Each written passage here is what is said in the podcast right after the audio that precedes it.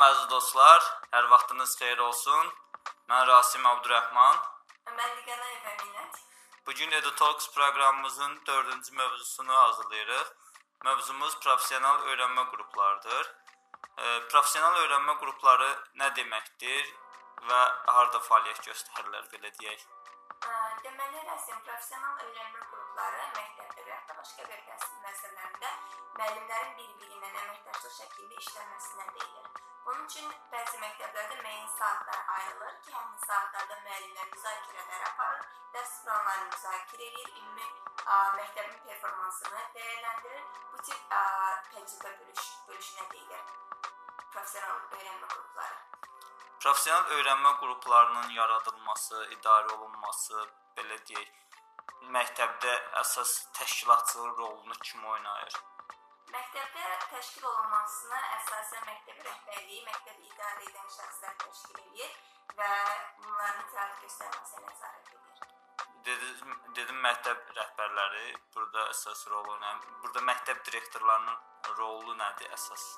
Məktəb direktorlarının rolu ondan ibarətdir ki, ə, müəllimlərin bir-biri ilə təcrübə bölüşməsini təşkil etmək, əməkdaşlıq şəklində işləməsini təşkil etməkdir. Bundan əlavə də bu tip qruplarda məktəb rəhbərliyi sadəcə idarəçi rol oynamır. Məktəb rəhbərliyi həm də müəllimlərə şərait yaradır ki, məktəbin ümumi performansının qaldırılmasında onlar da öz fikirlərini bölüşdürsünlər. Yəni son qərar verici burada məktəb rəhbərliyi olmur. Bu bir növ bölüşdürülmüş liderlik deyilir. Yəni bütün müəllimlərin də fikirlərini alaraq məktəbin fəaliyyətini tənzimləməsində onların biliklərindən faydalanır. E, belə deyim də, onda bu qruplar yaradılır məktəbdə, yəni professional öyrənmə qrupları müəllimlər tərəfindən, direktor tərəfindən. Əsas məqsəd nədir? Aha, bu tip qrupların əsas məqsədi, hədəfi ə, e, tələbə şagirdin öyrənməsini qaldırmaq, nəticəsini artırmaq və bunun nəticəsində də məktəbin performansını irəli aparmaqdır. Burada e, indi professional öyrənmə qruplarının əsas prinsipləri olur. Bu prinsiplər nədir, nələrdən ibarətdir? İlk prinsip ondan ibarətdir ki, burada əvvəl qeyd etdiyim kimi bölüşdürülmüş liderlikdir və qərar verməlidir. Məktəb rəhbərliyi bütün sinifin ə, səviyyəsinin qaldırılmasında, belə də keyfiyyətin, dərs keyfiyyətinin qaldırılmasında, məktəbin ə, keyfiyyətinin qaldırılmasında müəllimlərlə birlikdə fəaliyyət göstərir. Buna bölüşdürülmüş liderlik deyilir. Digər bir prinsipi ingiliscə collaborative inquiry gedir. Birlikdə əməkdaşlıq şəklində ə, belə deyək, müzakirələrin aparılması, sorğunun aparılması deyil. Bu tip qruplarda müəllimlər davamlı olaraq bir-birinə sual verir, məsələlər qaldırır və onu həll etməyə çalışırlar bir yerdə. Və bu da həm müəllimlərin məsələn biliklərinin formalaşdırılmasına, dəyişilməsinə, inkişaf etdirilməsinə kömək olur. Həmçinin də məsələn bir çox müəllimlərdə hələ də görə bilər ki, keçmiş düşüncələr hələ də qalır. Məsələn, mən dərsin qarşısında durmalıyam, mənim vəzifəm dərs keçməkdir. Amma professional öyrənmə qruplarında ə, fəaliyyət göstərdikcə müəllimlər görür ki, bu mənim vəzifəm dərs keçmək deyil. Əsas ə, elmin, əsas ə, belə deyək, məna ondan ibarətdir ki, burada tələbənin, şagirdin öyrənməsini təmin etməkdir. Mənim vəzifəm öyrətmək deyil, öyrənməni təmin etməkdir. Bu ikincidir. Digəri isə ə, belə deyək, nəticəni, nəticəyə görə hamının bir yerdə məsuliyyət daşıması. Bu tip qruplarda müəllimlər Məsələn, Rasim, sən dərs keçirsən, sənin qrupunda deyək ki, bir dənə şagird var, zəifdir ya da bir neçə şagird var, digər ə, sinifdən daha zəifdirlər və proqrama çatdıra bilmirlər. Bu şagirdin səviyyəsinin qaldırması, belə deyək, dərsinin keyfiyyətinin qaldırması təkcə sənin öhdənə düşmür belə olanda. Sən gəlirsən, həmin qrupda müzakirə aparırsan və bu bütün müəllimlərin öhdəliyi olur ki, sənin sinifindəki şagirdin belə deyək, performansını irəli aparsın. Buna görə də həmin müəllimlər bir yerdə metodlar hazırlayırlar, yoxlama tapşırıqları hazırlayırlar və yaxud da ki, fikirlər irəli sürürlər ki, necə edə bilərik ki, biz onu irəli apara bilərik. Bunlardan biri də ola bilər ki, həmin şagirdin bəzən belə təşkil edirlər ki, ə, davamlı olaraq tutoring edirlər. Digər müəllimlər ayrı saatlarda onunla söhbət edirlər.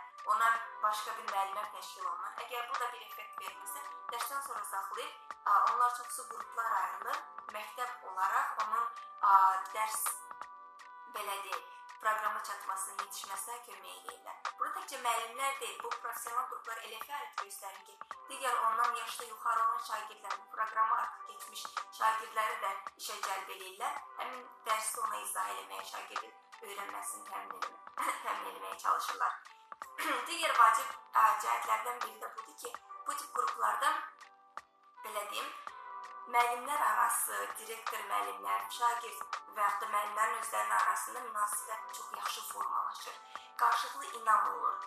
Yəni bunlar sadəcə ə, bir-birinin biliklərinə güvənirlər. Direktor müəllimlərin biliklərinə güvənir, etibar eləyir. Sosial münasibətlərin formalaşdırmasına kömək edir belə.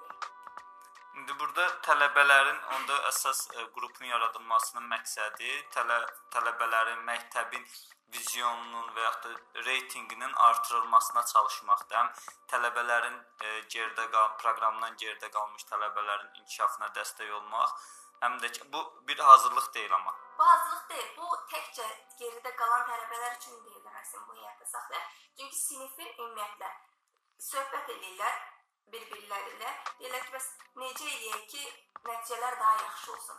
Bir yerdə davamlı olaraq metodlarını təkmilləşdirirlər. Bilikləri bilikləri formalaşdırırlar. Testləri bir yerdə hazırlayırlar. Yoxlama tapşırıqlarını tələbələr özləri bir yerdə hazırlayırlar. Burada ə, məktəb direktoru da belə bir rol oynayır ki, bunu da qeyd edeyim. Müəllimlərlə məsləhətləşir, görür ki, onlara nələr lazımdır, hansı resursları yoxdur onların dərs keçmək üçün. Resurslarını təşkil edir. Onlara nə kimi təlim treninqlər lazımdır, nədən məlumatları yoxdur onları təşkil edir və yaxud da ki, əgər lazımsa başqa mə məktəbdən əməkdaşlıq eləmək, bu məktəbdən digər məktəbə müəllimlər aparmaq, onları bura gətirmək bu tip ə, biliklərin ə, bölüşdürməsini təşkil edir. Xatırlayıram ki, belə bir nümunə var idi. Real bir şey olmuşdu. Mən özüm məktəbdə oxuduğum zaman bizim məktəb müəllimimiz, coğrafiya müəllimi. Demək dedi ki, başqa məktəbdən müəllimlər gəlmişdi bizim liseyə. O müəllimlər gələn fərqinə vardılar ki, a, deməli coğrafiya dərsində məsələ misal həlli də var imiş. Yəni bu çox yaxşı bir ə, belə deyə praktik oldu ki, həmin müəllimlər gəldilər, gördülər, anladılar ki, burada bu da var imiş. Müəllimlərə sual verirlər, onlardan öyrənirlər, direktora sual verirlər, direktordan öyrənirlər. Bu həm məktəblər arasında bilik alış-veriş olur, həm özlərinin inkişafı üçün böyük bir təkan rol oynayır. Bu professional öyrənmə qruplarının e, belə deyə bilərikmi, digər bir rolu müəllimlərin bir-birindən fikir alış-verişinin edilməsidir. Məsələn, mənim bir e, hər hansı bir məlumatım var, metodikadan olsun, hər hansı bir ixtisasım üzrə bir məlumatım olsun, digər özümdən e, ya yaşca balaca olsun, ya yəni öz əməkdar həmkarlarımla bilginin paylaşılması eləyirəm də. Yəni bu qrupların bir məqsədi də bu ola bilərmi? Yəni yoxsa budurmu? Əslində bu tip qruplar formalaşdırılırsa, əgər mükəmməl, düzgün formada formalaşdırılarsa, form ə, həmin qruplarda müəllimlərə müəyyən funksiyalar, adlar verilir. Məsələn, müəllimlərdən biri olan ixtisaslaşır. Bu ixtisası hər tərəfli bilən müəllimdir və çoxdan ə, yəni davamlı olaraq təcrübəsi var. Neçə illərdir burada işləyir. Və bu müəllim digər yeni gələn müəllimlərə rəhbərlik edə bilər. Ona rəhbər, mentor vəzifəsi verilir, adı verilir. Digərisi olur menti, yəni öyrənən tərəf olur. Bu müəllim həmin digər müəllimə rəhbərlik edir, kömək edir. Və da elə müəllimlər ola bilər ki, onların ə, hardasa əlavə treninqlər keçirlər, təlimlər keçirlər, başqa bir ölkə təcrübəsi görüblər. Onlar da müəyyən bir vəzifələr verilir, adlar verilir, onların funksiyaları belə deyək müəyyənləşdirilir və digər müəllimlər qarşılıqlı şəkildə burdan öyrənir. Əgər münasibət doğru qurulsa, məsələn, qəşəng yaxşı bir münasibət qurulsa, isti, qarşılıqlı inam şəraitinə qurulsa, bu təzə gələn müəllimlər özlərinə ə, bilmədiklərini soruşmaqdan qorxmazlar. Və yaxud da ki, artıq bilikli müəllimlər belə deyək, digər müəllimləri bully eləməzlər. Çox təəssüf olsun ki, bu da haldır. Bütün dünyada belə bir şey var ki, bəzən olur ki, çox bilikli müəllimlər digər müəllimləri belə deyək bullying edirlər. Ya alçaldırlar belə deyək ki, ə, təcrübəsizliklərindən dolayı. Amma düzgün qurulsa bu münasibətə qarşılıqlı şəkildə bilik alış-verişi ola bilər burada.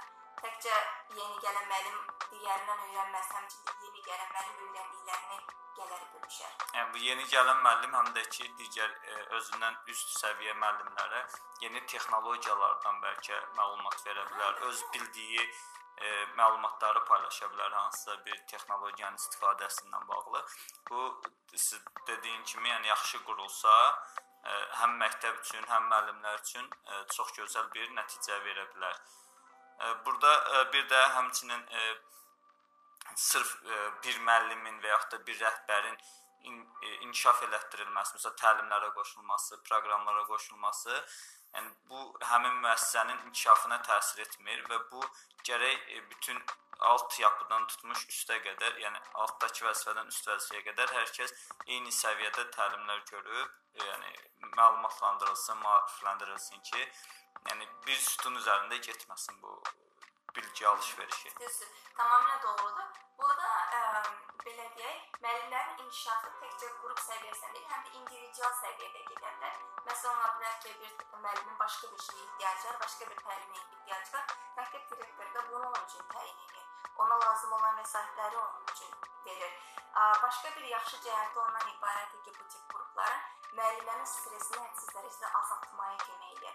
Araşdırmalar göstərir ki, müəllimlərin belə deyək, rifah halının yüksək tutulmasına nələr kömək edir? Onların maaşı düzdür. İkinci bir şey də bir məqsədin olması və nəticənin görünməsi. Bir ə, həmçinin də üçüncü bir cəhət odur ki, professional inkişaf. Müəllim həm professional inkişaf görəndə, həm tələbələrin özlərinin inkişafını, şagirdlərin inkişafını görəndə o özünü yaxşı hiss edir. Öz işində uzun müddət qalır, ömrünün sonuna kimi qalır belə deyim ki, ə, bu tip qruplarda nəticənin paylaşılması olur. Okay, bu tip qruplarda nəticə yaxşı da olsa, sonuç nəticə əgər yox, yaxşı bir nəticə olmasa, pis bir nəticə də olsa, bu sadəcə bir müəllimin üzərindən düşən bir şey olmur. Nəticə paylaşılır və müəllimlər və ya rəhbər, məktəb rəhbəri bir yerdə çalışırlar, o problemi aradan qaldırsınlar. Bunun bu müsbət cəhəti də var. Bir də professional öyrənmə qruplarının ə, belə bir şey oxumuşdum ki, məqsədi daha çox SWOT təhlil etməkdir, tələbəni olsun, onların zəif güclü tərəflərini öyrənmək, kimin nəyə ehtiyacı var, hansı tə, hansı təlimə, necə bir e, təlimə, tədrisə ehtiyacı var tələbənin, şagirdin.